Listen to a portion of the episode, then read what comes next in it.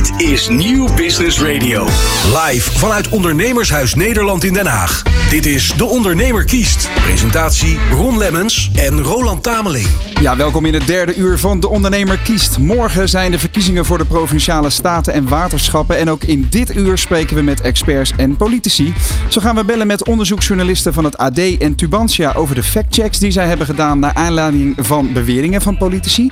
En straks aan de tafel hiernaast in het Ondernemershuis in Den Haag niemand minder dan Mickey Adriaansens, de minister van Economische Zaken en Klimaat. Alle reden dus om te blijven luisteren. Zeker. En kijken.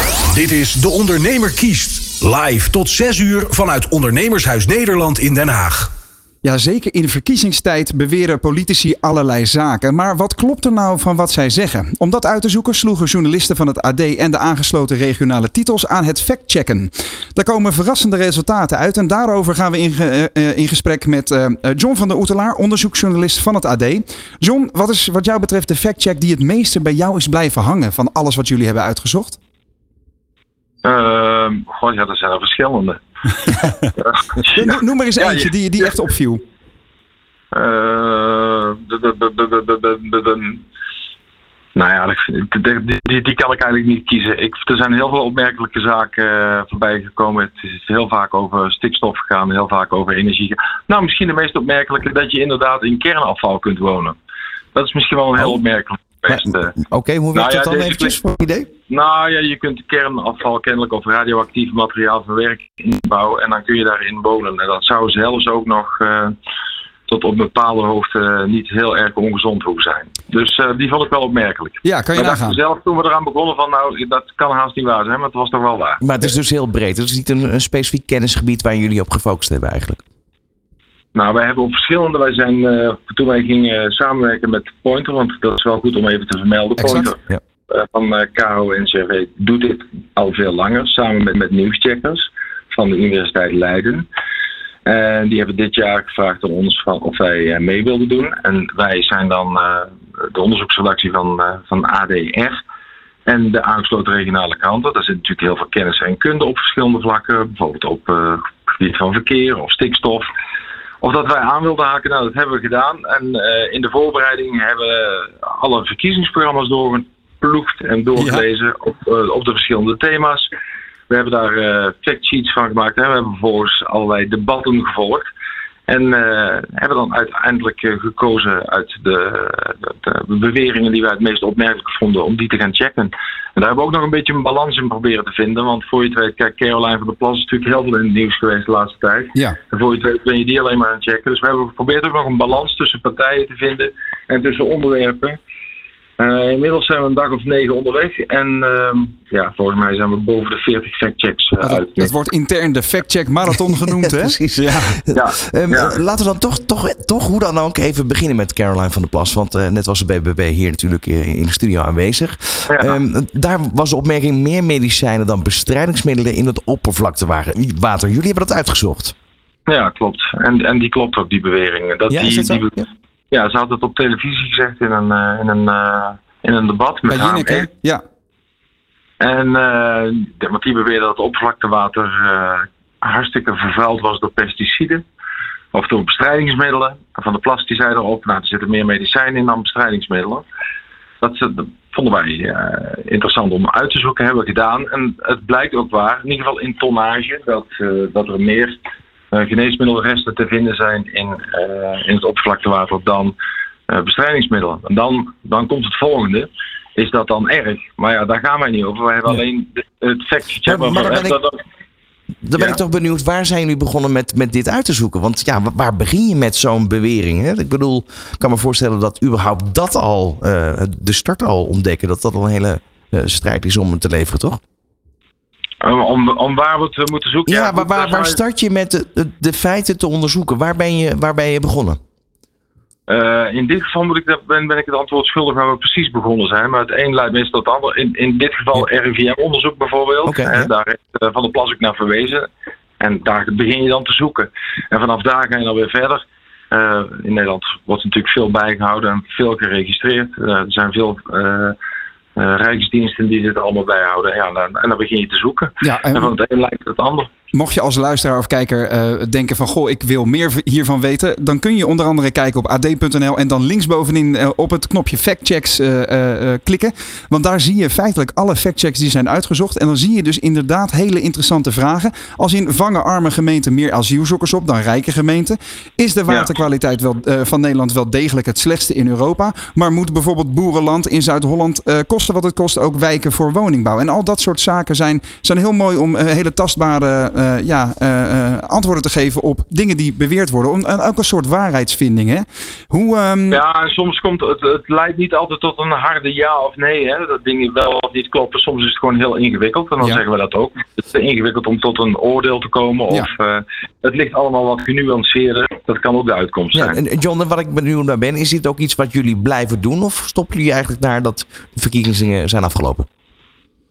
Nou, ik, ik, ik, ik, ik zou wel willen dat het een wat vaster onderdeel wordt eh, van, ons, eh, van onze dagelijkse praktijk. Maar dat is iets wat we moeten bespreken. Ja. Kijk, achteraf moeten wij straks eens kijken van als we die 40 factchecks voorbij komen. Uh, wat was nou echt noodzakelijk, wat niet? Wat is goed gelukt, wat niet? Wat had beter gekund? Daar is veel discussie over, want er zijn ook wel factchecks waar veel discussie over is. Ja. Ehm, bedoel, voor elk onderzoek zijn er ook wel onderzoeken te vinden die tegenovergestelde beweren. Dat maakt het natuurlijk altijd wel ingewikkeld om tot een keiharde fact-check te komen. Maar ik denk, ja, ik zou u wel mee verder willen, ja. En ik denk dat in de volgende verkiezingen die, uh, dat, dat we dit gewoon weer gaan doen. Ik vind het een heel erg goed initiatief van AD en, eh, en, en Pointer en, eh, en nieuwscheckers. Het is inderdaad een heel, heel mooie manier om de consument en ook de, de, de ondernemer van Nederland handvaten te geven over wat nou de waarheid is. En laten we er nog eens even eentje uit, uitvissen, als je het, als je het goed vindt, John. We, we, hebben net al even gezegd, hè, de, de, er werd um, door de boer-burgerbeweging daar is ze weer. Uh, in Zuid-Holland um, uh, geclaimd dat boerenland in Zuid-Holland kosten wat het kost moet wijken voor woningbouw. En die hebben jullie ook uitgezocht, hè? Ja, en, en die valt dan uit eigenlijk, uh, die valt dan uit elkaar in drie onderdelen. Hè? Ja. Dus de bewering is, de 25% van de grond in Zuid-Holland is bebouwd. Die bebouwing zou dan plaats hebben gevonden op grond die voorheen agrarisch was. Uh, en drie is dan, daartoe zijn veel uh, eigenaars van die agrarische grond moedwillig verdreven, hè, onteigend bijvoorbeeld. Ja. Nou ja, dus wij hebben dat gewoon in stukken opgedeeld en zo zijn we dat ook uit gaan zoeken. En dat kun je ook precies uh, terugvinden van, als je dan terugkijkt, enkele tientallen jaren geleden was het zoveel procent, nu is het zoveel procent. Nou, uiteindelijk kom je dan tot de conclusie dat ja, er is echt veel bebouwd in Zuid-Holland. Er is ook veel agrarische grond verdwenen. Maar het belangrijkste onderdeel, het laatste, is dat daartoe niet uh, veel boeren onteigend zijn. Dat valt eigenlijk in verhouding best mee. De meeste zijn gewoon vrijwillig vertrokken. Ja, denk je nou ook dat, dat de antwoorden die wij geven, eh, of die jullie gegeven hebben met al dat harde werk en dat pluizen en, en, en doorgraven naar de waarheid, dat uh, dit het effect kan hebben dat mensen anders gaan stemmen? Ja, ik denk, ik, ik, jullie hebben Hans Versoes daar uh, in, uh, in huis. Ik geloof dat die zelf ook al zegt van je moet, moet volgens mij de macht van de media niet overschatten. Ik ben dat wel heel erg met hem eens. Uh, ik geloof niet dat wij mensen nou zo ongelooflijk kunnen beïnvloeden dat ze iets anders gaan stemmen. Maar ik, wel, ik kan me wel voorstellen dat er heel veel behoefte voor is. Je kunt ze helpen inderdaad. Ja, toch? Ja. Ik, denk, ik kan me voorstellen dat er heel veel behoefte aan is, omdat uh, mensen toch hier en daar echt in het ongewis zitten van waar moeten we nu voor kiezen? Waar moeten we voor stemmen? Het is al jarenlang uh, natuurlijk van crisis naar crisis waar je in hobbelt. Wie moeten we nu geloven? Ja, nou, ik, dat zal best bij kunnen helpen. Kijk, weet je, weet je het, het, we, leven natuurlijk in een tijd van one-liners. En daar hebben wij onze eigen rol ook in als media. Vinden we lekker. Uh, maar daar is de nuance vaak in zoek. En wat je met die factchecks wel aan kunt tonen is uh, dat er vaak veel meer nuance zit uh, achter één opmerking. En, en misschien dat je mensen iets, tot iets meer denken aan zou kunnen zetten. Dat ja. zou ook al blijven zijn. Heel mooi. Uh, straks gaan we weer even naar buiten richting ons ondernemerskabinet. Maar ik wil graag dit item afsluiten met, met nog één factcheck die jullie hebben gedaan. Van de hele lijst die er staan. Want hoeveel heb je er in totaal ja. gedaan met, met het team? Ja, volgens mij zitten we nu al boven de 40 en we eindigen vandaag zo uh, ergens, ergens tussen de 45 en de 50, denk nou, ik. Echt heel goed gedaan. Uh, de, de, laatste die ik graag wil uitlichten is uh, onder de volgende kop. Zelfrijdende auto's zijn de oplossing voor files, stelt de VVD. En daar is jullie antwoord flauwekul, het komt voort uit wensdenken. Hoe hebben jullie deze aangepakt?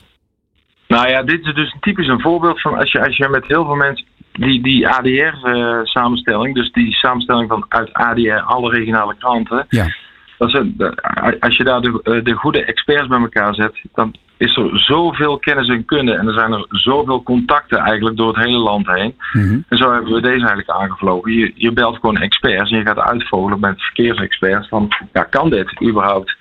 Eh, is het zo dat we zo straks zelfrijdende auto's hebben, dat we nooit meer in de file zullen staan? Ja. Ja, dat, dan, dan, dan denk je dus om een paar dingen heen. Namelijk, je denkt dan in een situatie waar plotsklaps iedereen in een zelfrijdende auto zit. Dat kan Mhm. niet. Hè? Je hebt een transitie. Dus dan heb je een combinatie tussen mens en machine. Ja. Nou, en de machine is op dit moment, en dat werkt dus nog niet meteen goed. Eh, op dit moment is het ook nog zo dat de mens beter kan eh, vooruitschakelen eigenlijk en vooruitdenken dan de machine. Mhm. Dus die, die mens is beter in het rijden in files dan de, dan de machine, Ja. zeggen de experts.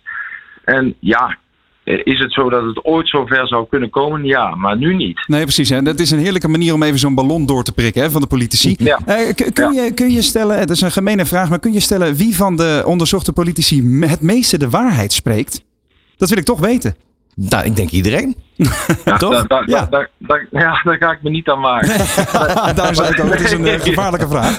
Maar, Nee, dat maar zijn er... nou, wij, wat wij gedaan hebben is opvallende, eh, opvallende uitspraken checken. En daarvan, eh, nou ja, er zijn best een paar opvallende uitspraken die, die waar bleken te zijn, waar ik van op voorhand had gedacht van dat, klopt niet. Ja, en andersom? Eh, en, ander- en andersom. En andersom. Ja. Dat, dat, dat er iemand toch dingen, inderdaad dingen beweert die uiteindelijk niet blijken te kloppen. Waaronder dus die, eh, die, die oplossing voor de files die eh, toch wel wat eh, genuanceerder ligt dan de VVD in eerste instantie stelt. Heel goed, Ja. John, John van der Oetelaar, onderzoeksjournalist eh, van het AD en de aangesloten regionale titels. Dank je wel voor het, eh, het harde werk dat jullie hebben verricht en voor deze uitleg in deze show. Jullie bedankt. Dit is De Ondernemer kiest. Live tot 6 uur vanuit Ondernemershuis Nederland in Den Haag. Ja, dat is weer tijd voor eh, de broodnodige input vanuit ons ondernemerskabinet. Thomas Hendrik staat op het Binnenhof met de volgende ministers. Frederik van Ruiten, eh, minister van Brandstof en Saskia Griep, minister van Toerisme. Dankjewel Ron. Straks gaan we het in het slotdebat hebben over duurzaamheid. En duurzaamheid is ook wel iets om te bespreken met het eh, ondernemerskabinet. En daarvan hebben we er twee hier staan. Minister van eh, Brandstof, Frederik van Ruiten. En de minister van Toerisme, Saskia Griep. En ik wil eerst eens aan eh Frederik vragen. Die brandstof, daar is nogal wat mee. Vertel. Klopt, inderdaad. Er is er nu een wet door in heel Europa. Waar ze eigenlijk in 2035 geen eh, auto's en lichte bedrijfsvoertuigen eh, willen, op de markt willen brengen die CO2 uitstoten. Dus dan denk je vooral aan elektrische auto's, maar ook waterstof. En dat vind ik eigenlijk iets heel opmerkelijks. Eh, ten eerste omdat we er eigenlijk nog helemaal niet aan toe zijn. Het elektrische netwerk van Nederland, die kan dat nog helemaal niet aan. Als nu iedereen een elektrische auto zou willen, zou dat helemaal nog niet kunnen. Ten tweede vind ik ook heel opmerkelijk dat ze eigenlijk heel veel ondernemers hun schoenen schuiven. Ehm, de eh, aankoopwaarden van elektrische auto's liggen nu nog steeds heel erg hoog. En dat is eigenlijk nog niet te doen voor een ondernemer. En Saskia, als we het hebben over duurzaamheid, dan heb jij het over, eh, over reizen ehm, en, en vluchten bijvoorbeeld. Eh, wat, is het, wat is op dit moment de, de, de houding van de, jouw klanten als het gaat om vliegen? Nou, je merkt wel, er is natuurlijk overal in de media gaat het over vliegschaamte en dat vliegen niet goed is voor het klimaat. En dat is natuurlijk ook zo. En eh, ja, wat je verder ziet is dat vliegen eigenlijk natuurlijk veel te goedkoop is. En daarom is het ook wel heel lastig om die omslag te gaan maken. Want we moeten als toerismebranche wel die omslag gaan maken. Want klimaatverandering is eh, een enorm probleem, wordt ook steeds groter en raakt vooral ook de reisbranche. Wij hebben er nu al mee te maken met overstromingen, hitte, bosbranden. Dus we moeten in actie komen. Frederik, spelen de provincies eigenlijk ook nog een, eh, een rol bij die, eh, die invoering in 2035 is het inmiddels van elektrisch en waterstof? Ik denk dat iedereen er een rol in speelt. Ik bedoel, eh, we hebben dit ondertekend en ik denk dat dat veel te snel is. Ehm, en ik denk dat iedereen daar een rol in speelt. En ik denk dat we nu wel daar ook in actie voor moeten komen. Want dit is gewoon nu nog niet haalbaar. En Sas, jij bent met een heel nieuw product begonnen eh, in, eh, in coronatijd. Toen niemand eh, verder weg mocht dan eh, de eigen voordeur, bij wijze van spreken. Vertel daar eens wat over. Klopt, ik ben eh, begonnen met Avontuur dichtbij, samen met een collega van mij. En eh, wat wij doen is trektochten organiseren samen met een natuurorganisatie, IVN Natuureducatie, in Nederland. En dat eh, slaat enorm aan. En daar spelen provincies ook weer een rol bij. Daar spelen provincies absoluut een rol bij. Het gaat natuurlijk om beschermen van de natuur, maar ook om vervoersmogelijkheden. Want wij proberen die trektochten zoveel mogelijk met het openbaar vervoer bereikbaar te maken. En je ziet nu al dat dat lastiger wordt in steeds meer plaatsen. Uh, Frederik, jou, jouw bedrijf verhuurt campers. Um, zijn die eigenlijk al elektrisch? Nee, nee. Um, daar willen we wel naartoe, maar het is nu gewoon nog niet haalbaar. Um, kijk, de meeste mensen die een camper bij ons komen huren, willen natuurlijk gewoon een verre tocht. En dat is nu gewoon nog niet te doen. Er zijn niet genoeg laadpalen in Europa. Dus stel je wil naar Italië, je wil dan een lange afstand maken, dan kan dat nog niet met de accu die erin zitten. Um, maar ook de aanschafwaarde is gewoon een stuk duurder van elektrisch camper. En um, een verbouwing, dus een, uh, een camper die normaal gesproken op elektriciteit of op uh, benzine bedoel ik, of diesel rijdt, die verbouwen naar elektrisch, is dat niet een, een tussenstap? Mm, ja, dat is een tussenstap inderdaad. Maar dan zit je nog steeds met de accu die niet zo ver kan. Dat is eigenlijk het grote probleem. Uh, dat zag je natuurlijk ook van de zomer in Frankrijk. Dat er niet genoeg uh, laadpalen waren zeg maar, om die elektrische auto's te, op te laden. Dus ik denk um, dat we daar wel naartoe willen. Maar nu is dat gewoon nog niet haalbaar voor ons. Saskia, duurzaamheid, uh, merk je dat ook bij je klanten? Wat, wat is hun wens? Ja, je ziet absoluut dat er steeds meer vragen is naar reizen met de trein. Maar dat is nu nog heel lastig. Dus dat is ook mijn oproep om daar nog veel harder uh, mee aan de slag te gaan. En ook uh, tussen de landen, zeg maar. Want dat kunnen wij als Nederland natuurlijk niet in ons eentje oplossen. Maar uh, ja, daar zit heel veel potentie. Als je kijkt naar, naar de toekomst, wat is dan jouw, jouw boodschap eigenlijk aan het kabinet? Hè? Die, die, ze, ze willen die, die invoering in 2035 doen. daar is voor getekend. Maar staan ze er allemaal even goed voor? Is het al klaar om uit te voeren? Waar, hoe staat het voor? Ik denk dat het nog niet klaar is om uit te voeren. En ik denk dat ze te snel beslissingen hebben genomen. En dat zie ik wel vaker. Ze hebben niet echt over nagedacht hoe ze dat nou gaan halen, zeg maar. Uh, ze schrijven nu ook best wel veel eigenlijk af op de autoproducent. Die moeten uh, goedkopere manieren vinden om die elektrische auto wel betaalbaar te maken. Maar ze schuiven het veel meer af op de rest. In plaats van dat ze zelf met ideeën komen hoe ze dat willen gaan doen. En Saskia, um, als je kijkt naar um, uh, regelgeving, zou er niet uh, op dit gebied dus wel wat meer regelgeving moeten zijn, of niet? Het zou heel fijn zijn als daar uh, meer, meer kracht op wordt gezet. Want nu zie ik vooral vertragen. En dat kunnen we ons gewoon niet permitteren. We moeten op alle vlakken aan de slag. Goed, dat was dat. We gaan het er zo over hebben met de drie MKB-woordvoerders van de Tweede Kamer. Uh, die zometeen klaar zitten voor een mooi slotdebat. Dit is De Ondernemer kiest. Live tot 6 uur vanuit Ondernemershuis Nederland in Den Haag. Kijk of luister mee via Nieuw Business Radio, ad.nl, de websites van regionale media en Ja, en van Frederike van Ruijten, minister van Brandstof en Saskia Giep, minister van Toerisme van het uh, ondernemerskabinet, gaan we over naar Kelly Adams. Adams want zij uh, ja, is van Tubantia. We maken met haar onder, onder gaan we even terugblikken. Wat speelt er daar in de regio in Twente? Kelly, goedemiddag. Goedemiddag.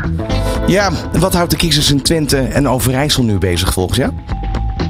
Nou, heel veel, maar ik denk vooral uh, woningbouw en stikstof. Toch de thema's die je veel hoort en die ook bij ons in de provincie uh, heel belangrijk zijn.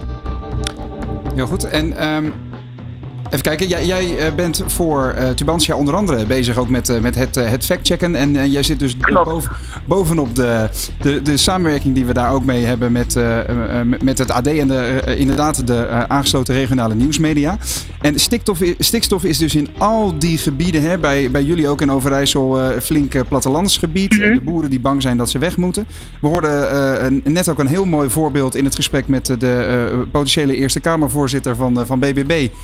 Um, uh, dat er een, uh, een, heel goed voorbeeld was over de stikstofregels. Hè. Een, een, boer in Nederland uh, die heeft allerlei regeltjes. Die moet inkrimpen, die moet verduurzamen. Maar de boer net over de grens, die, die, die mag uitbreiden. Mm -hmm. Wat zie jij daar in, in jullie regio? ja, wat, wat zie je in de praktijk?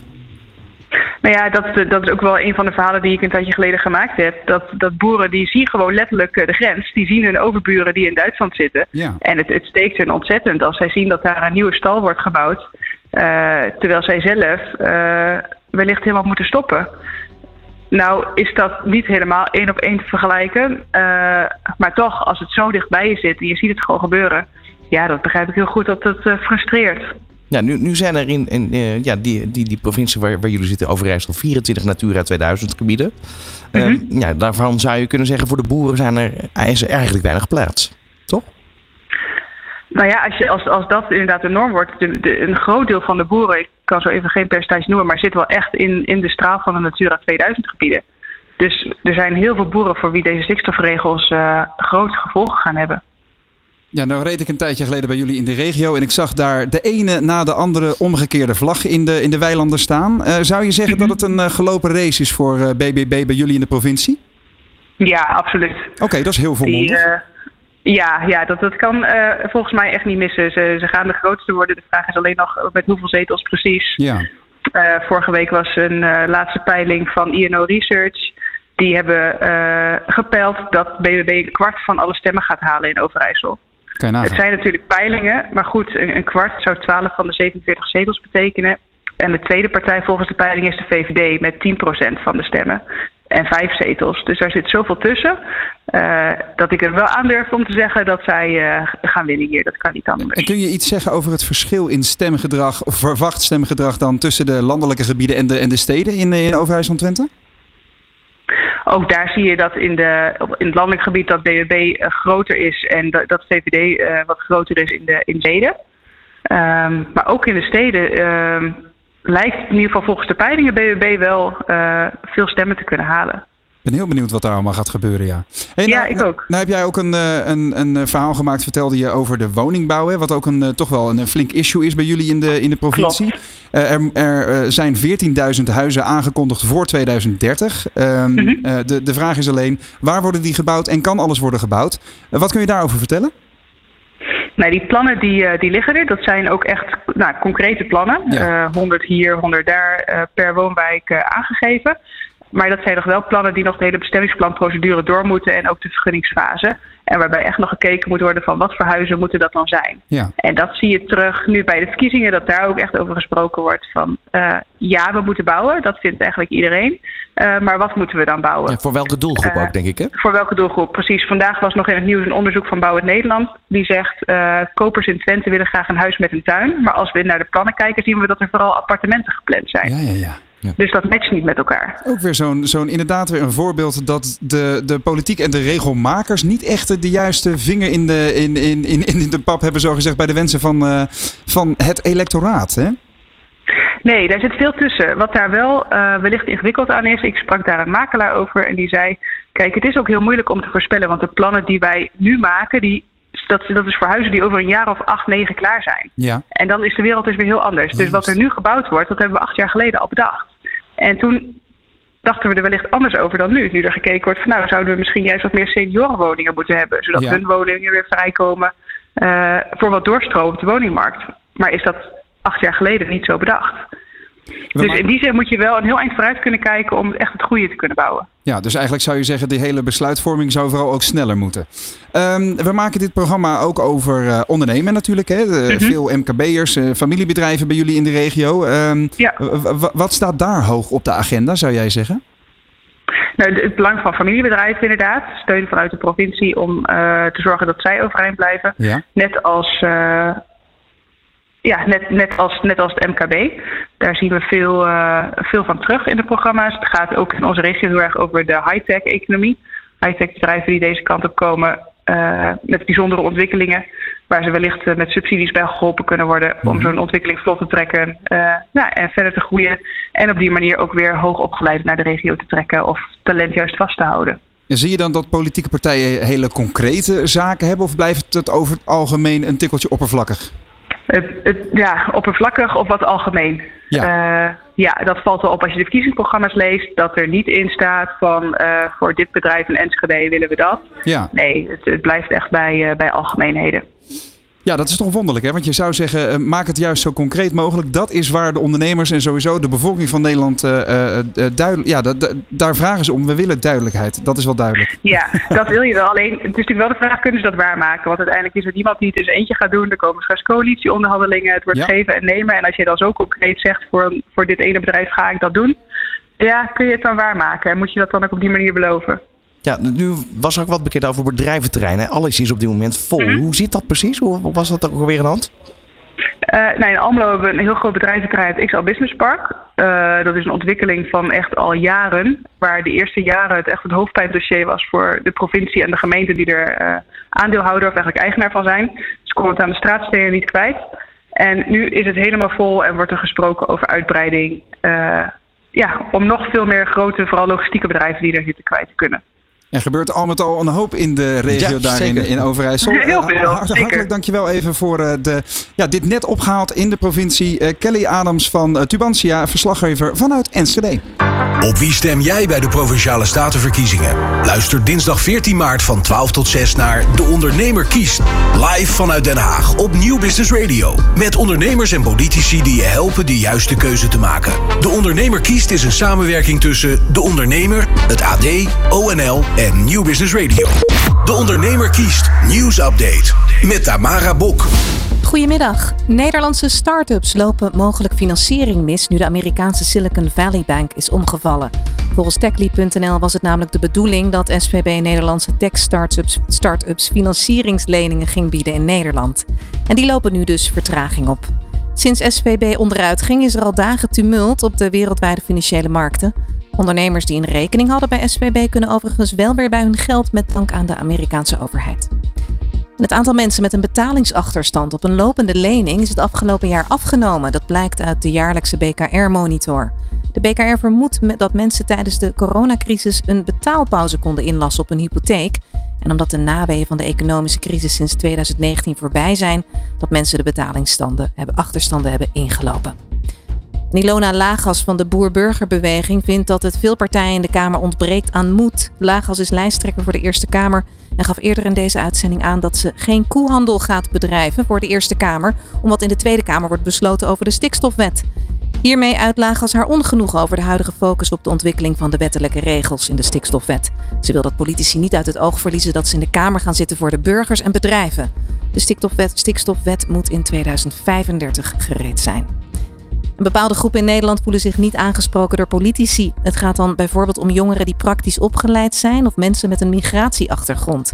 Dat helpt niet mee in verkiezingstijd, stelt Floris Vermeulen. Hij is politicoloog en hoofddocent aan de Universiteit van Amsterdam. Hij vindt dat de politiek zich harder moet inspannen om bepaalde bevolkingsgroepen naar de stembus te trekken. Inzet op het vertrouwen en lokale thema's zijn daarbij van groot belang. Het weer dan nog. Vanmiddag af en toe een zonnetje, hier en daar nog een buitje. Morgen start het dan koud en nat, maar smiddags klaart het op en wordt het 7 tot 9 graden. En dit was het weer, het nieuws. Meer over een half uur. Van hippe start-up tot ijzersterke multinational. Iedereen praat mee. Dit is New Business Radio. Dit is De Ondernemer kiest. Live tot 6 uur vanuit Ondernemershuis Nederland in Den Haag. Meer dan ooit hangen de economische kansen van Nederland samen met de uitdagingen die er zijn op het vlak van klimaat. Daarom hebben we tegenwoordig niet voor niets een minister van Economische Zaken en Klimaat. Maar wat kan zij nou precies betekenen voor jou als ondernemer? Het woord is aan collega's Hans van Soest, politiek expert van het AD, en Jonathan van Noord van De Ondernemer in gesprek met de minister van EKZ, Mickey Adriaansens. Ja, bij ons aangeschoven minister Mickey Adriaansens. Welkom. Minister van Economische Zaken en Klimaat. Uh, u bent ruim een jaar minister. Uh, vrijwel direct na uw aantreden begon de oorlog in Oekraïne. U had vast een, een wat rustiger begin verwacht van uw periode. Nee, vooral in die tijd, hè, met, ruim een jaar geleden, waren we bezig met de laatste fase, wat we toen nog niet wisten van corona.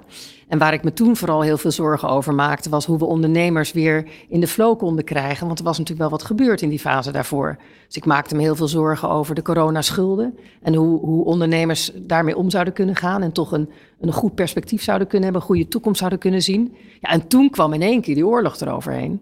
En dat gaf zoveel onrust. Uh, met de hoge prijzen die eigenlijk, uh, nou eigenlijk de maanden daarna uh, heel erg zijn toegenomen dat het voor, en dat ik me heel goed realiseerde, dat het voor heel veel ondernemers eh, heel zwaar weer kan zijn. Ja. Um, er zijn zat dossiers ook door ontstaan. Hè? Denk aan uh, de, de gierende inflatie, energieprijzen. Um, heeft u af, het afgelopen jaar dossiers kunnen afronden naar tevredenheid? Ja, dat hoop je altijd. Hè. Je hebt aan de ene kant heb je lange termijn plannen. En aan de andere kant wil je ook op de korte termijn. Want het bestaansrecht zeg maar, van een politicus is altijd heel kort. en ook kwetsbaar. Dus je moet zorgen dat je snel uh, doorpakt. En er zijn echt wel een aantal piketpalen en, en, en oplossingen en maatregelen die ik heb kunnen nemen. Uh, Waar bent u trots op? Nou, ik ben heel blij met de tegemoetkoming voor de uh, energie-intensieve MKB. En dat, dat, dat had ik graag nog groter gehad. Dat had ik graag nog voor meer ondernemers van toepassing willen laten zijn. Maar ik ben wel blij dat het de VVD eigenlijk en, en mij gelukt is om dat er doorheen te krijgen. Want het, komt, ja, het zal toch een oplossing bieden voor een bepaalde groep ondernemers om met die energiekosten om te gaan. En ik ben op zich ook trots op de, de, de, de stappen die we toch hebben gezet in het nieuwe regeldruk aanpak. Veel praktischer. Het is een ontzettend ingewikkeld onderwerp, maar ik vind zelf, ik heb ook niet mijn hele leven in de politiek gezeten, dus ik heb ook ervaren hoe het is aan de andere kant, dat je af en toe helemaal gek wordt van die regels. Uh, dus je moet daar wat mee. En ik ben wel blij dat we wat praktischere aanpak hebben gelanceerd. Er zijn nog wel een paar dingen die we voor elkaar hebben gekregen. Het zijn toevallig twee onderwerpen waar wij ook straks uh, wat dieper op in willen gaan. Hans, jij ja, want uh, mevrouw Adriaansens, u uh, noemde net de dingen waar u trots op was. Um, nou bleek in december een groot onderzoek, Universiteit van Amsterdam. Eén op de drie ondernemers uh, in Nederland zegt het ondernemersklimaat in Nederland is verslechterd. Hebben ze gelijk? Ah, daar kun je op verschillende manieren naar kijken. Even de, de algemene, uh, uh, als je nu kijkt naar, de, naar, naar, naar, hoe bedrijven tegen Nederland aankijken en ook hoe we in de, de ranglijstjes, vreselijk woord trouwens, scoren, doen we het best wel goed. Als je kijkt naar onze algemene economische situatie, dan doen we het als Nederland heel erg goed. Als je kijkt naar het welbevinden van Nederlanders ten opzichte van in andere landen, doen we het goed. Maar er is wel wat aan de hand. Er zijn terecht, denk ik, heel veel zorgen als het gaat over de schaarste die we hebben. We hebben veel te weinig personeel, we hebben, uh, we hebben te weinig ruimte, uh, we hebben de druk vanuit, vanuit andere landen, we hebben de hoge energieprijzen, we hebben uh, best wel een instabiel klimaat af en toe als het gaat over regels. Hè. We, hebben, we hebben, ik vind wat dat betreft ook een sentiment in de maatschappij wat veel te weinig recht doet aan alle bedrijven en ondernemers in Nederland. En dat zijn zorgen die er wel degelijk zijn en die ook beslissingen uh, kunnen hebben voor bedrijven om hier te blijven of zich hier te vestigen. Ja, sterker nog, een kwart van de bedrijven uh, overweegt gewoon investeringen niet meer in Nederland te doen, maar in het buitenland. Dat moet u toch zorgen baren? Ja, dat baart me natuurlijk ja. vreselijk zorgen, want, want Nederland is, is, is van nature gewoon een heel mooi land om in, in te werken en in te wonen. En, en, en die bedrijven hebben ook keihard nodig om onze uitdagingen voor de toekomst aan te gaan door de bedrijven. Hè, de bedrijven verzinnen de oplossingen voor uh, energietransitie of voor de, de, digitaliseringsvraagstukken die we hebben of voor allerlei andere praktische dingen. Dus die moeten we koesteren. Nou, misschien heel even een vraag aan ONL-voorzitter uh, Hans Biesheuvel. Hans, tegen welke problemen lopen bedrijven in Nederland op? Nou ja, u heeft het eigenlijk al een beetje aangeraakt. Hè? Bijvoorbeeld de financiering hè, is natuurlijk een lastig punt. Die regeldruk, hè, mensen vinden. En u benoemt de goede onderwerpen wat mij betreft. Hè, maar als ik op werkbezoeken ga in het land, mis ik toch wel dat gevoel bij ondernemers. Ja, het, is echt, het wordt concreet. Hè? Ik ga concreet merken dat die regeldruk naar beneden gaat. Hè? Ik wil een elektrische oven aanschaffen en ik kan hem financieren. Hè? Dus de agenda is er, maar wanneer, komen er praktische oplossingen? Dat is de vraag die ik heel vaak gesteld krijg van ondernemers in het land. Wat is uw antwoord daarop?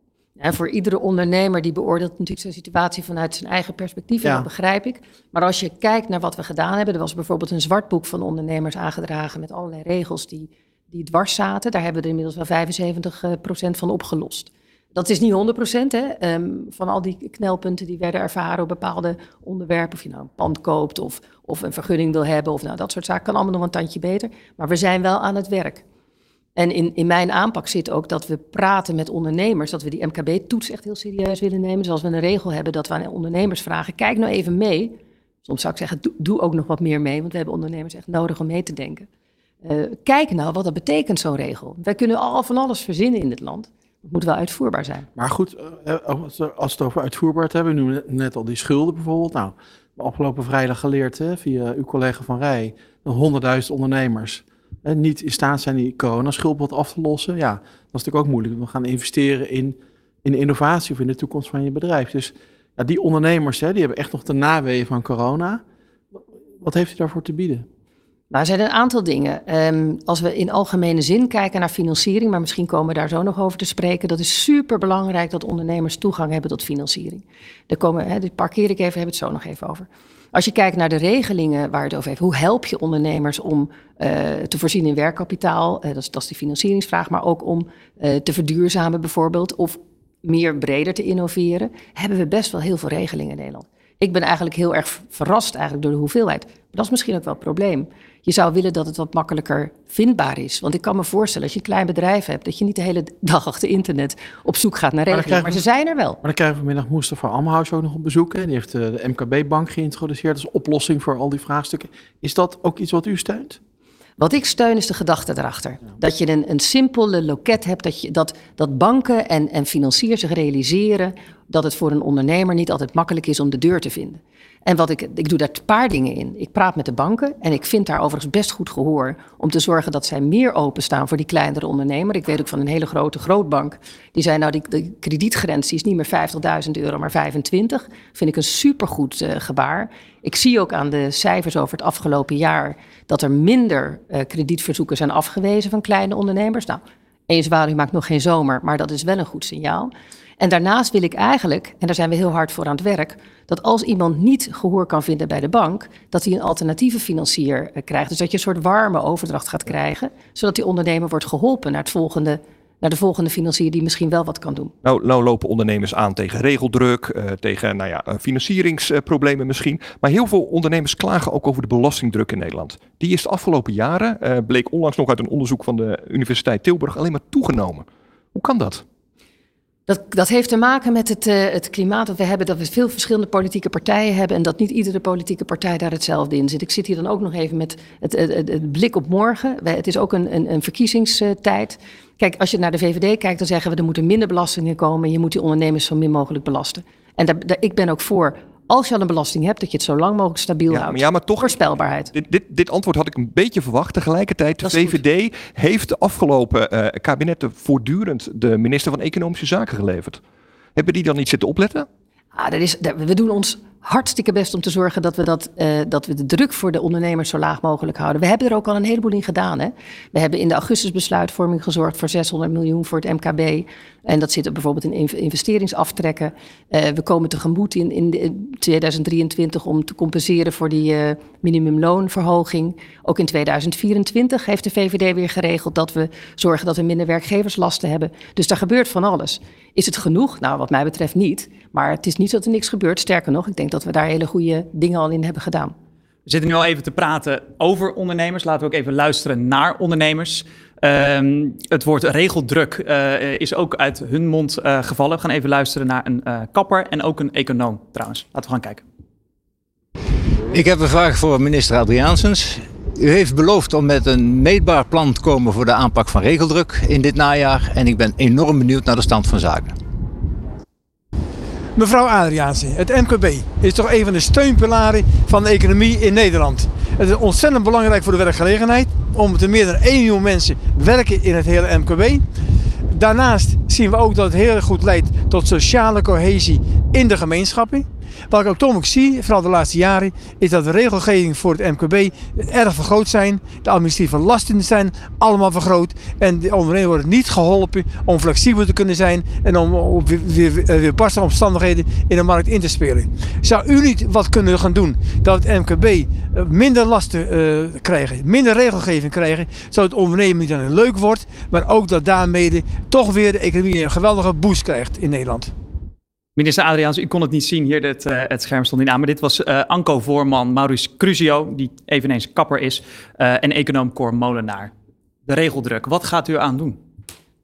we hebben daar een aantal dingen al aan gedaan. We, hebben gezegd, die MKB-toets, je moet echt bij de regels die de ondernemer raken, moet je toetsen wat dat betekent voor, de voor het MKB, voor het kleinbedrijf, midden- en kleinbedrijf.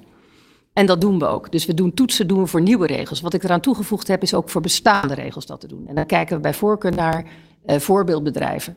Bijvoorbeeld een hotel met een restaurant. Wat betekent het dan voor, voor die eigenaar als deze regel wordt ingevoerd? Dus niet in het algemeen, want dan blijft het wel abstract, maar zorgen dat je toespitst op de situatie. Dat levert ook al op, dus dat is één. Het tweede is, ik wil een dashboard. Want er werd volgens mij net ook gezegd, meetbaar maken. Dat moeten we ook gaan doen. We moeten het meetbaar maken.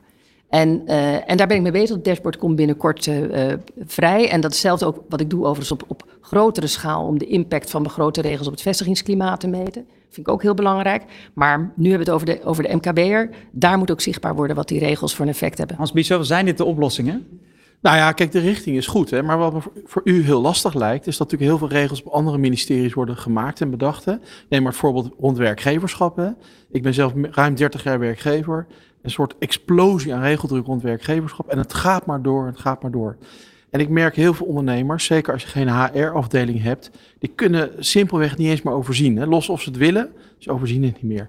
Het lijkt voor u dan lastig om die regeldruk te bestrijden, want u gaat er niet over. Ja. Maar dat is nou juist zo mooi van zo'n plan wat ik heb gelanceerd en wat ook onderschreven is door het kabinet. Dat wordt dan dus ook kabinetsbeleid. Ehm, en daarom zoek ik ook naar dit soort instrumenten. Uh, en dat is een beetje hoe, hoe dat werkt. Uh, um, daarmee kan ik het afdwingen dat die toetsen worden gedaan. En dat doe ik dus ook.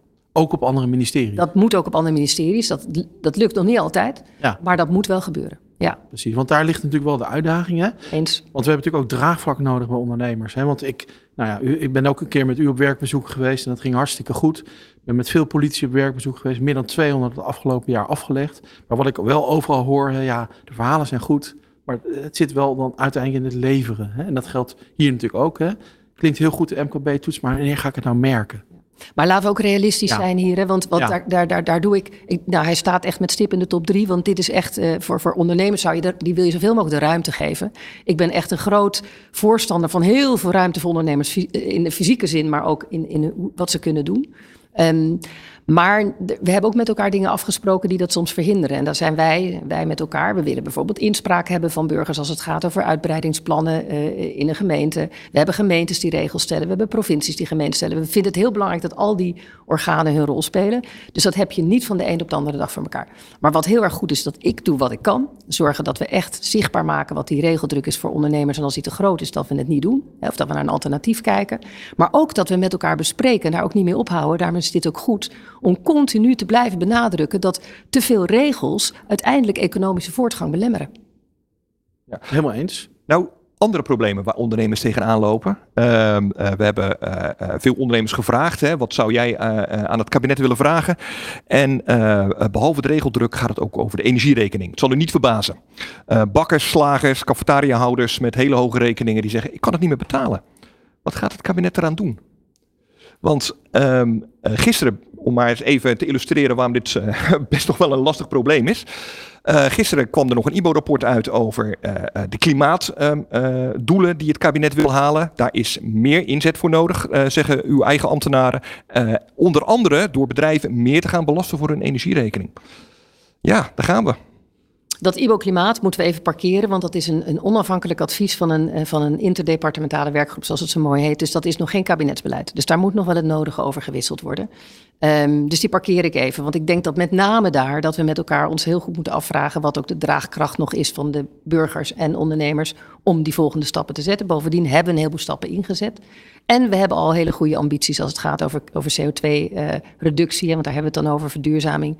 Um, nou, dus we moeten heel kritisch kijken wat daar nog bij nodig is. Dat is nog een traject wat loopt. Maar mag ik daar heel even voordat u erop doorgaat, zegt u hier nou mee dat wat u betreft, kijk, IBO zegt, kijk, dit is het gat wat we nog moeten vullen, hè? 22 megaton tot 2030. Zegt u daar nou mee van, ik ben er nog niet van overtuigd dat we dat, die 22 megaton moeten halen? Uh, ik vind dat we met elkaar ons moeten, moeten waarmaken wat we beloofd hebben. En dat is 55% CO2-reductie. En daarbij hebben we gezegd, laten we nou niet te krap zitten. Laten we nou beleid maken voor 60%. Maar... Dat is natuurlijk al ingewikkeld. Dan is vervolgens de vraag, uh, hoe is berekend wat dat gat is wat we nog moeten doen? Nou, daar kun je uh, nog met elkaar naar kijken. Omdat niet alle ingezette maatregelen al zijn meegenomen in die berekening. Dus daar moet je goed naar kijken. En als er dan nog iets te doen is, dan moet je goed kijken hoe je dat het beste kan oplossen. Wat ik, wat ik nou zo lastig vind in deze discussie, hè, dan even specifiek op die, dat IBO-rapport. Dan wordt alles over nou, ons uitgestort, zeg maar. Nou, ik begrijp het nog een ambtelijk advies. Maar dan was ik gisteren bij een ondernemer, die heeft dan een, bakkerij en die zegt, ja, ik wil die ovens vervangen. Maar ja, één, lange levertijd voor een elektrische oven. Hè, ik krijg niet aangesloten, want het netwerkbedrijf zegt, ja, we hebben geen capaciteit. Uh, dus ja, zo'n ondernemer wil wel verduurzamen, maar kan het niet. En hij krijgt het heel moeilijk gefinancierd. Wat zegt u tegen die ondernemer die voor die afweging staat van ja, hè, ik heb de basis hebben we eigenlijk nog niet eens beoordeeld en ondertussen gaan we alweer belastingen verhogen op energie. Ik ben dat zo eens ja. met wat u zegt. Dus dat is ook wat we continu ons moeten blijven realiseren. Dus overigens wat ik ook continu uh, aan de orde stel. Het moet wel haalbaar zijn. Uh, en om even flauw, ook betaalbaar. Ja. dus dat is echt super belangrijk voor, voor, voor grote en kleine ondernemers. Maar met name de kleine ondernemers voelen dat het meeste. Die lopen, ik merk ook in bij al mijn werkbezoeken, want ik doe er heel veel. Ik vind het ontzettend leuk, maar ook heel goed om te spreken met ondernemers en met bedrijven. Uh, en ik merk dat eigenlijk iedereen wel wil, maar dat er gewoon wat dingen in de weg zitten. Dus mijn opgave is ook om te zorgen dat, als we het hebben over verduurzaming, dat we zorgen dat de infrastructuur is, dat er netcapaciteit is, dat we zorgen voor snellere vergunningen, dat het wel moet kunnen. Maar moet je dan niet tegen zo'n IBO-rapport zeggen, nou jongens, wacht even tot 20, eh, 2030 of zo, ik noem maar eens wat. We gaan eerst die basis op orde brengen, want dat is wat ondernemers willen. Ik geef nog één voorbeeld. Er worden overal milieuzones nu ingesteld in steden. Maar ja, de elektrische bus die je nodig hebt, die kan je niet uh, laden. Dus hoe moet je zo meteen die stad in? En ja, wat, wat zegt u nou tegen die ondernemers? Nou, je weet echt niet wat ze moeten doen hoor. Precies hetzelfde als u, meneer Bies. Ja. Want, want dat is nou precies het probleem. Ik, ik wil heel graag meewerken als het gaat over verduurzamen, maar het moet wel kunnen. En, en dat is ook de rol van, in die zin komt dit ook uit de, port, hè, de van de collega Jette. En dat moet hij ook doen, want hij heeft zich gecommitteerd om die doelen te behalen. Aan mij is de opgave om het haalbaar te maken. En ook realistisch. En, en dat we daar een eerlijke verdeling in hebben met elkaar. En dat we goed kijken wat we aan kunnen met elkaar. Maar we hebben ons wel gecommitteerd. Dus we moeten even kijken hoe zich dat tot elkaar verhoudt. Maar u heeft gelijk, dat moet wel kunnen. En er moeten dus laadpalen zijn, en er moet infrastructuur zijn, er moet netcapaciteit zijn. Heel belangrijk. Um, en dan nog even naar de energiekosten. Want daar vroeg volgens mij werd, werd ook uh, terecht op gewezen. Ja, die zijn natuurlijk gigantisch. Hebben zo'n onvoorstelbare impact op, op ondernemers. En daar hebben we natuurlijk wel wat maatregelen voor getroffen. We hebben als kabinet gezegd, we willen in ieder geval, is ook een maatschap, ja, zo, zo beschaving zou ik bijna zeggen, hè, dat is het. Om te zorgen dat mensen die het het zwaarst hebben, daar het meest in wordt geholpen. Dus we hebben naar zo'n prijsplafond gekeken, we hebben allerlei maatregelen voor huishoudens getroffen. Ook in de in de hoop en de veronderstelling dat ze dan weer toch kunnen blijven uitgeven. En we hebben voor de, voor de ondernemers, hebben we, nou, ik noemde er net een aantal, uh, die 600 miljoen in de augustusbesluitvorming en alle andere maatregelen die we treffen. We hebben de BMKB, de BMKB maar, Groen. Dus een, een, dat is een soort garantie waarbij je kan lenen voor verduurzaming. Alsnog, uh, op de ondernemer en ook op het AD zijn tientallen verhalen te lezen over bakkers, slagers en cafetariahouders die uh, door de extreme energierekening kopje onder zijn gegaan een, een vertienvoudiging van, uh, van de energiekosten zijn er, uh, daar zijn verhalen over. Valt dat dan onder ondernemingsrisico? Hoe, hoe moet ik dat zien? Nou, de mate waarin die energiekosten zijn gestegen, daar zit een grens aan. En daarom hebben we ook die TEC, die tegemoetkoming energie-intensief MKB, tegemoetkoming energiekosten, geïntroduceerd. Die volgens volgende week open gaat en met terugwerkende kracht kan, kan worden toegepast. En daarmee komen we tot 160.000 euro. Hè. Als je meer dan 7% van je kosten maakt voor energie. Maar dus voor heel veel van die geschetste bakkerijen is dat te laat. Tientallen verhalen zijn er over van familiebedrijven, 115 jaar uh, uh, in de winkelstraat. En die zijn er niet meer. Is dat niet dan too little, too late? Nou, we hebben in de, in de tussenliggende fase hebben we de, met de banken afgesproken dat zij coulant zouden zijn als het zou gaan over financiering. Dat ook de Belastingdienst daar coulant in zou zijn. De, de, daar, daar zie ik ook voorbeelden van.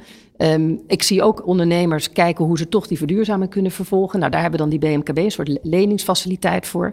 Ja, dus we proberen dat zoveel mogelijk met elkaar op te lossen. Zodat dat ondernemingsrisico, wat in deze mate extreem is, iets terug te dringen. En er blijft dus- altijd, nee, maar er blijft natuurlijk altijd een stukje ondernemingsrisico over. Dat kan ik niet helemaal wegnemen. Maar op de VVD-site is te lezen: wij doen, uh, wij doen wat nodig is om te voorkomen dat hardwerkende Nederlanders door het ijs zakken. Ja. Dat rijmt dan niet echt met elkaar. Nou, het is nooit helemaal zwart-wit. Dus ik, ik, ik, heb, ik, heb, ik leef mee met alle mensen die daar echt te weinig eh, eh, support van voelen, te weinig steun van voelen. En, en um, ik weet ook dat de brancheorganisaties zich daar hard voor inspannen. Dus ik hoop dat ik die verhalen hoor. Ik zou tegen ze zeggen, laat, je, laat het horen. Want ik heb heel veel aan praktisch, praktijkinformatie. Hoe ziet het voor die ondernemer er nou uit? En want wij, maar u hoort het toch niet voor het eerst? Ik hoor niet in die mate, laat ik zo zeggen, als ik vergelijk naar de situatie van voor corona en de mate waarin ondernemers stoppen, hè, dus de, het aantal ondernemers wat stopt, het aantal faillissementen wat we hebben, dan, dan is dat nog niet in die mate aanwezig. Dus een bepaald soort maar ja, ze stoppen ermee, ze gaan dan niet failliet. Dat, dat klopt. En dat, dat, dat hoop ik dan ook. Want, want als je failliet gaat, geeft dat vaak heel veel ellende. En ik hoop ook dat mensen dan in staat zijn om zonder schulden toch op een bepaalde manier misschien een overstap of iets, iets anders kunnen doen of iets kunnen afstoten, zodat het uh, haalbaar wordt. Uh, maar, maar we kunnen niet voorkomen dat het bij niemand pijn doet. Dat is zo. Maar aan de andere kant doen we ons, ons, ons ons best om te zorgen dat we die schade beperken en de mensen die echt kunnen en perspectief hebben, dat die door kunnen. Uh, het werd door Cor Molenaar ook al uh, uh, aangegeven. Kijk, als een bakker uit de winkelstraat verdwijnt, dat is in sommige dorpen is dat de enige winkel nog. Dat heeft ook met sociale vangnetten te maken, met, met, met, met, de samenleving. Hoe, hoe kijkt u ernaar als, als een bakker uit een dorp verdwijnt? Vreselijk, want dat is, dat is de jeu. Dat is het leukste van, hè, als je door, de, door een dorp of stad loopt, dat er gewoon dat er, dat er retail is, dat er ondernemers zijn die daar een winkel drijven. Dat, dat maakt het ook leuk. Dat waarderen we met z'n allen. Nou, daar heb ik al die tech genoemd. Dat was een, een van de redenen ook om naar die, naar die regeling te kijken. Maar we hebben daarnaast ook een, een, een wat grotere regeling. Dat heet al zo mooi uh, impuls aanpak winkelgebieden. Um, waarbij we best een groot bedrag, 100 miljoen, beschikbaar hebben gemaakt voor gemeentes. Om met ondernemers uh, te kijken hoe ze de, de winkelgebieden kunnen opknappen. Want vaak is daar een soort grijs middenstuk waar niemand echt over gaat. En dat proberen we met elkaar op deze manier op te lossen. En daar heb ik al hele mooie voorbeelden van gezien. Dat je daarmee weer die, die, die binnenstad weer aantrekkelijk maakt, zodat mensen weer komen. Zullen we naar een volgende vraag van een ondernemer? Ja, zeker weten. Over duurzaamheid. Ja, ik heb een vraag voor eh, minister Adriaansens.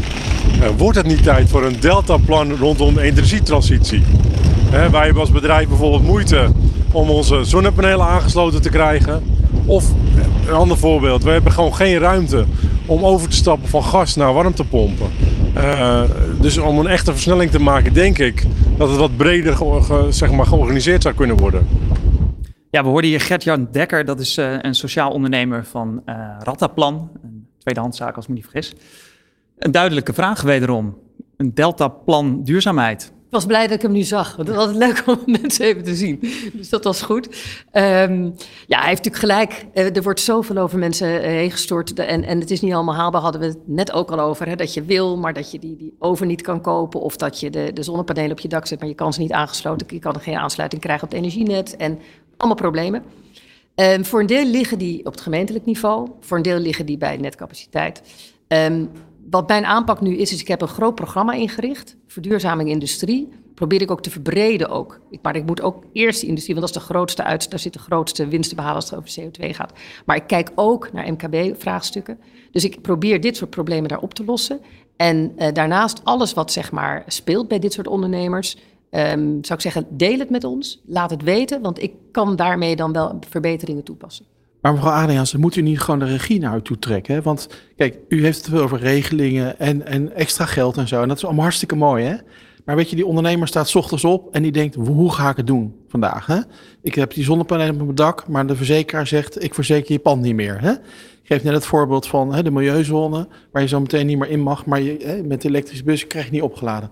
Heel veel ondernemers zeggen, hoe doe ik het? Ik wil wel, maar hoe? Moet u niet gewoon de regie pakken? En dat is precies wat ik nu doe. Ja. Dat ik dat, dat nationaal programma heb gelanceerd. Dat komt binnenkort staat dat. En wat doe ik daarin? Daar heb ik zeg maar de betrokken bewindspersonen aan tafel. En ook vertegenwoordigers van ondernemers. Um, om te zorgen dat we dit soort knelpunten oplossen. Dus precies wat u vraagt, ga ik doen. Het duurt altijd een beetje lang bij de overheid om dit soort dingen voor elkaar te krijgen, als ik heel eerlijk ben. Ik had dat graag nog wat sneller gewild. Feit is wel dat we het gaan doen. En daarmee hoop ik nog beter te kunnen sturen om dit soort knelpunten op te lossen. Want ik begrijp dat dit vreselijk uh, irritant is voor dit soort ondernemers. Ik heb toch nog even een vraag over duurzaamheid. Uh, uh, want er is één ding mij niet helemaal duidelijk over wat u net zei over dat IBO-rapport. Uh, u zei enerzijds, we hebben ons gecommitteerd, hè, dus dat is aan die 60% CO2-reductie. 55%. Ja, maar met maatregelen die optellen tot 60 staat in het regeerakkoord. Uh, en tegelijkertijd zegt u, ja, maar het moet wel haalbaar zijn. Wat is het nu? Uh, gisteren kregen al die ondernemers in Nederland uh, kregen weer de schrik om de hart voor al die extra maatregelen die volgens het IBO nog nodig zijn om aan die 60% te komen. Um, als u kijkt naar dat rapport, zitten daar dingen tussen waarvan u zegt van nou, dat gaan we sowieso niet doen? Dan? Het is nu te vroeg om in te gaan op die, om wat we wel of niet kunnen gebruiken uh, uit dat IBO-rapport. Maar het is een onafhankelijk advies geweest, wat is aangeboden aan uh, de minister in dit geval, minister van Klimaat en, en Energie. En, en die gaat kijken wat daarmee gedaan kan worden. Dat is nog geen kabinetsbeleid. Wij moeten kijken waar staan we nu ten aanzien van die 55 procent. Uh, wat hebben we nodig om breder te sturen, zodat we zeker die 55 halen. En dan moeten we kijken waar staan de verschillende sectoren. Wat betekent dat voor ondernemers? Wat betekent dat voor. Maar er zijn extra maatregelen nodig. Dat, dat, daar, zover ben ik nog niet. Ik zou wel even uh, willen vooruitkijken naar uh, de dag van morgen, de verkiezingen. Uh, we horen hier een heleboel plannen. hopelijk voor u gaan die er doorkomen. Het is nu soms al lastig in de Eerste Kamer om plannen er doorheen te krijgen. Hoe kijkt u naar de verkiezingsuitslag met het oog op, op wat u in het vat hebt? Het wordt inderdaad een uitdaging. Ik heb zelf een, een, een, tijdje in de Eerste Kamer gezeten. En toen hadden we ook niet de meerderheid van de coalitie. En dan, dus ik heb ervaren wat dat is. Dus dan moet er flink onderhandeld worden op, op inhoud. Op zich is dat ook niet verkeerd. Als je politiek goed wil bedrijven, is het niet erg om op inhoudelijke standpunten medestanders te vinden. Gaat dat lukken, denk u? Nou, met mijn ervaring in de Eerste Kamer is, is dat daar heel serieus naar gekeken wordt. Daar zitten mensen die toch heel ja, met de inhoud bezig zijn. Vaak, het heeft wel een beetje politieke kleur, maar het is ook heel vaak inhoudsgedreven. Gelukkig. Uh, dus ik heb daar wel vertrouwen in dat dat lukt. En uh, ja, met hoe meer partijen je bent, het wordt niet uh, automatisch makkelijker. Maar het is ook een, een representatie van wat het land wil. Dus als dat het is wat, wat men wil, dan moeten we ermee mee omgaan. Ja, een van de zorgen die ik dan nog heb, als we dan even naar de toekomst kijken, is toch die, die lastendruk. Hè? Want ja, we hebben natuurlijk die lastige coronatijd gehad. Veel ondernemers hebben ja, te weinig vet op de botten. Tegelijkertijd moeten ze gaan investeren bijvoorbeeld in die verduurzaming of hè, in de mensen die ze in een bedrijf hebben. En wat hebben we de afgelopen jaren gezien? Toch veel draaien aan die knoppen van het belastingstelsel om maar ook die meerderheid in de Eerste Kamer binnen te halen vanuit de coalitie. Wat kunt u nou tegen die ondernemers zeggen zometeen, hè, met die nog lastige positie straks, wellicht in de Eerste Kamer, als het gaat over die lastendruk? Hè? Want hebben de afgelopen weken ook gezien, de, marges zijn laag in het MKB. Hè? De energierekening is omhoog, maar ook de personeelskosten zijn omhoog. De inkoopkosten zijn omhoog. De huren zijn 15% hoger. De rente is hoger. Dus die marges staan echt onder druk. Als we willen gaan investeren, hebben ze ook ruimte nodig om te investeren. Dat betekent dus minder lasten en meer ruimte tot Wat gaat u ze bieden? Mevrouw Adriaans, in het kort, alstublieft. Minder lasten, meer ruimte, zijn we het volledig mee eens. Ik zou zeggen, denk goed na wie je stemt morgen. Want het maakt echt heel erg veel uit op wie je stemt als het gaat over belangen van ondernemers. Maar gaat u er vechten? Gaat maar ik vecht ervoor, maar ik heb ook wel een beetje steun en support en wat massa nodig. Want anders lukt het niet. Duidelijk. Uh, dank u wel, minister Mickey Adriaanses van Economische Zaken en Klimaat. Terug naar de radiostudio. Dit is De Ondernemer kiest. Live tot 6 uur vanuit Ondernemershuis Nederland in Den Haag. Kijk of luister mee via Nieuw Business Radio, ad.nl, de websites van regionale media en deondernemer.nl. Ja, we zijn bijna op de helft van deze uitzending. Zes uur durende uitzending, Roland. Um, ja, minister, minister Aanraadse net aan het woord. Dus straks in het volgende uur. Ja, uh, ja dan hebben we eigenlijk toch wel, uh, nou ja, ik zeg nu de premier van Nederland. Maar ja. vandaag vooral als lijsttrekker premier Rutte. Zo is dat. Ja. En daar, uh, daar gaan we uitgebreid over door straks. Live vanuit Ondernemershuis Nederland in Den Haag. Dit is De Ondernemer kiest op Nieuw Business Radio.